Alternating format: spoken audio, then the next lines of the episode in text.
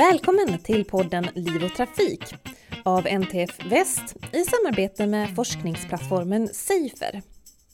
Jag heter Natalia Tjako och det här är det sjätte avsnittet på vårt tema om trafiksäkerhet och de globala målen. Och idag ska vi fortsätta prata om hållbart resande. De flesta är nog överens om att cykling och gång är viktiga resealternativ för att nå klimatmålen. Men hur får man människor att välja de mer hållbara alternativen? Om detta ska vi prata med Sonja Forward, psykolog som länge jobbat med transportpsykologi.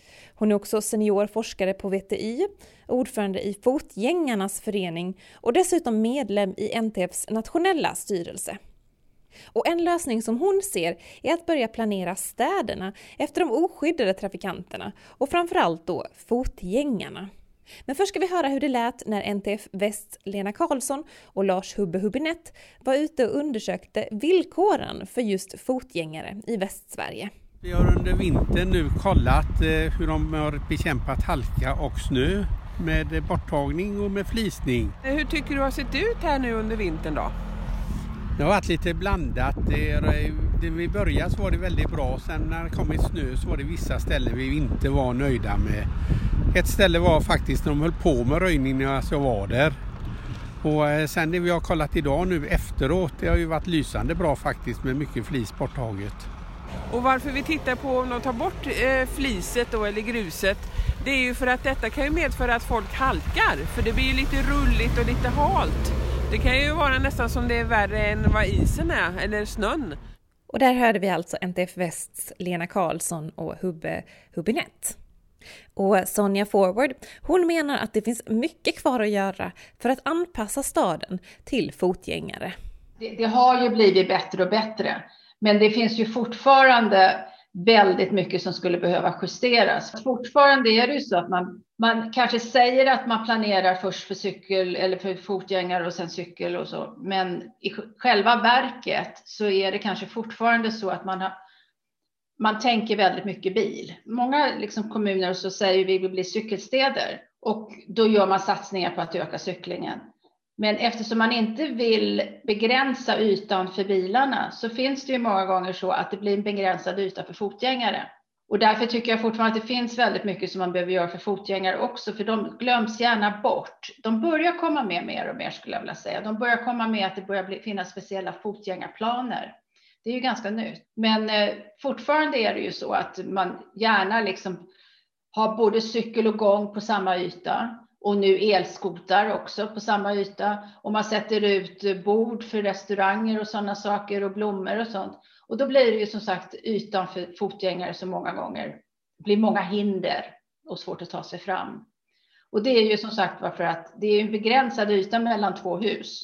Och vill man inte krympa vägbanan så blir det ju liksom att då ska cyklister och fotgängare vara på samma yta och då blir det trångt. Och vad innebär det för säkerheten? Otryggt. Även om det kanske inte händer så många olyckor mellan fotgängare och cyklister så är det ju en känsla av otrygghet. Och varför tror du att det ändå görs, att det ändå planeras på det här sättet? Men det är väl det att man försöker tillfredsställa så många samtidigt.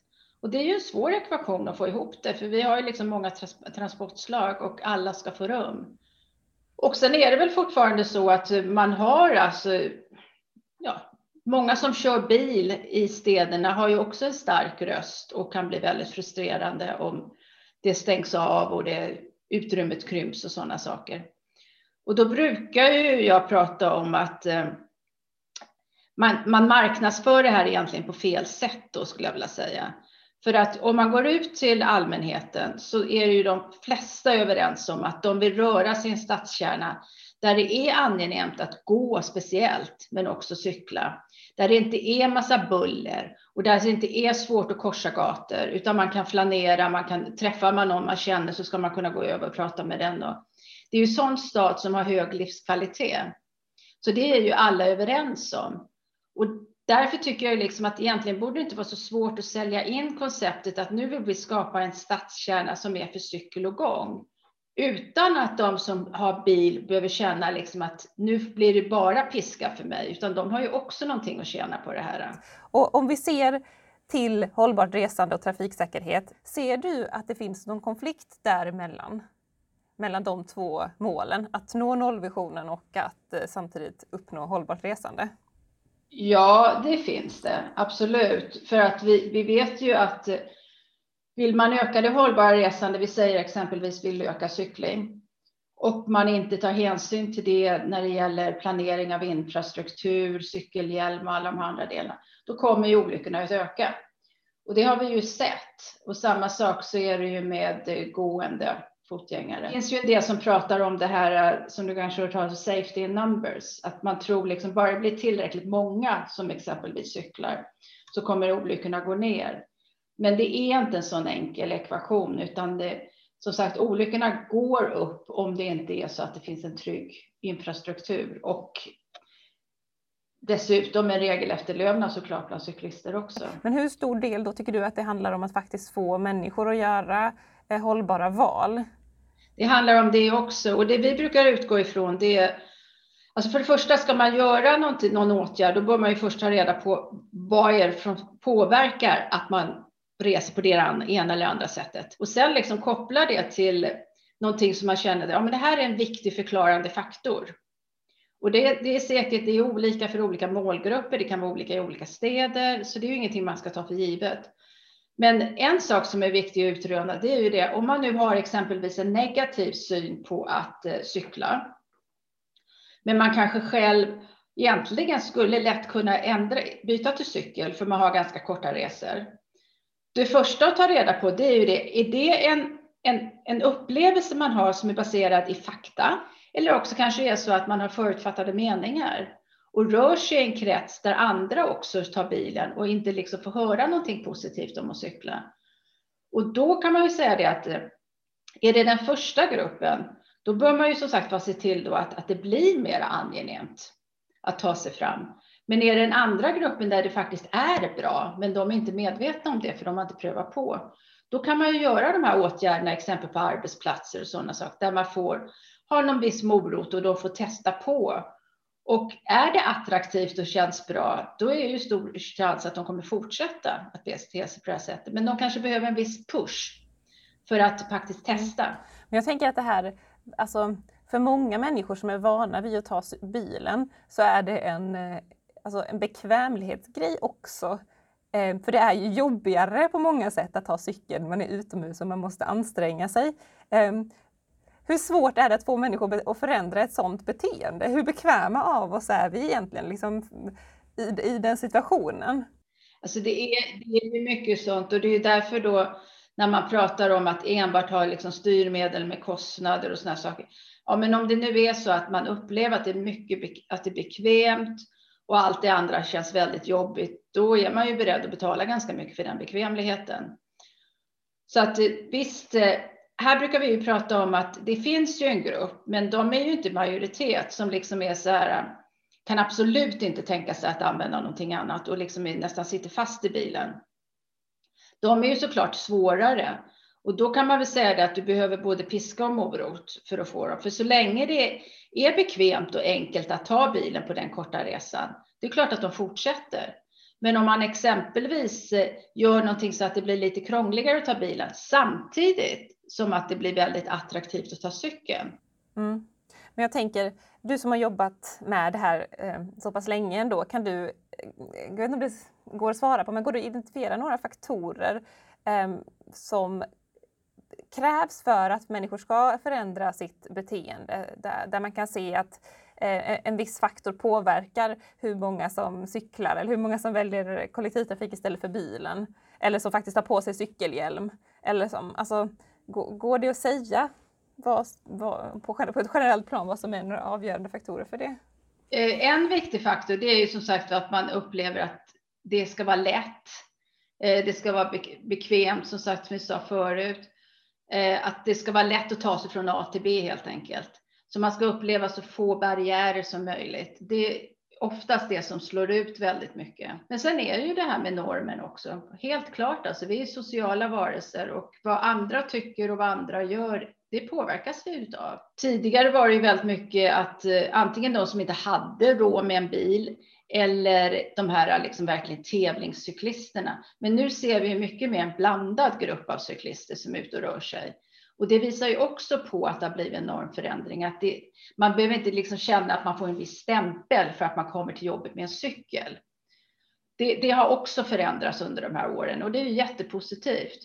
Men eh, det var inte länge sedan jag faktiskt var i Göteborg och hade en fokusgrupp där jag fick reda på att det fortfarande var så att på den arbetsplatsen så hade man parkeringar, speciella och ju högre status man hade inom företaget, hade man den högsta statusen, då hade man till och med en registreringsskylt vid parkeringsfickan.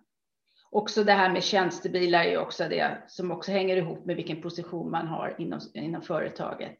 Så det finns ju fortfarande kvar delar av det här. Men jag måste ändå säga det, det positiva är ju det att det, det har ju ändå hänt ganska mycket under den här tiden. Men jag tänker också, det vi pratar om nu, det, här, det handlar om att få upp hållbart resande som är en, en del av Agenda 2030. Men det finns ju också en del med trafiksäkerhet om att vi ska minska antalet dödsolyckor i världen. Samtidigt så har vi tidigare här eh, i den här serien berättat att det ökar på många håll i världen för att eh, biltrafiken ökar. Eh, och en vanlig anledning ehm, eller, ja, till att trafikolyckor sker är ju att folk kör för fort. Till och med i Sverige brukar man säga att man skulle kunna spara till 100 liv per år om folk höll hastigheten. Och det här vet man om. Och man vet om att man inte sparar så mycket tid. Och ändå fortsätter människor att köra för fort. Eh, varför gör vi det? varför gör vi det?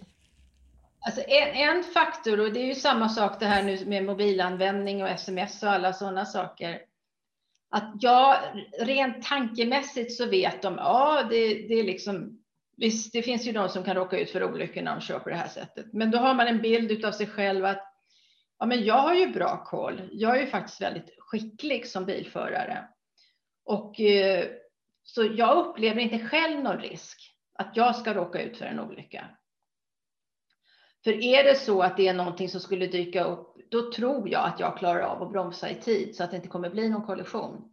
Och jag, jag känner att det här är en angenäm hastighet för mig. Så de har ju en egen, ett eget regelverk i huvudet där de tycker att det här är en skön hastighet för mig. Det här trivs jag med. Och det enda som då får dem att, att sakta ner, det är ju trafikkameror. Eller om det råkar finnas en polis som kör bakom, då ändrar de ju sitt beteende. Och det är där jag brukar alltid poängterar då liksom att det här är inte, det här är inte misstag folk gör, att de inte vet, utan de vet mycket väl. Det är självklart att det kan finnas en liten grupp som inte har sett den där skylten, för ibland kan ju det vara så, men rent generellt, de vet vad det är för hastigheter som gäller, men de bestämmer sig att inte följa dem helt enkelt, för de ser inte någon vinning med det för egen del. Det enda de ser då är att de har något att förlora på det. Men där, där, där krävs ju ganska mycket då för att få dem att tänka till. Och det verkar vara så att när det gäller den här gruppen, eftersom de inte ser risker, de ser inte sina egna risker, att prata olyckor och olycksstatistik verkar inte få någon effekt på den speciella gruppen. Av den anledningen att det inte rör dem själva. Men jag har ju försökt några gånger att liksom, om de ändå kunde förstå liksom att det faktiskt är en behagligare körning, att inte ligga och hetsköra. Om de själva håller en lägre hastighet så blir ju det en mycket mer avspänd körning, mycket mer komfortabel och man är också piggare när man kommer fram eftersom att man inte har tagit ut sig under resan genom att ha de här korta avstånden, massa omkörningar och allt det här som det innebär om man ska köra fortare. Det kanske säljer budskapet bättre än att prata olyckor. Och det sa alltså Sonja Forward, psykolog och senior forskare på VTI, men också ordförande i Fotgängarnas förening och styrelsemedlem i NTFs nationella styrelse. Flera avsnitt av podden hittar du på livotrafikpodden.se. Och vi hörs igen om två veckor.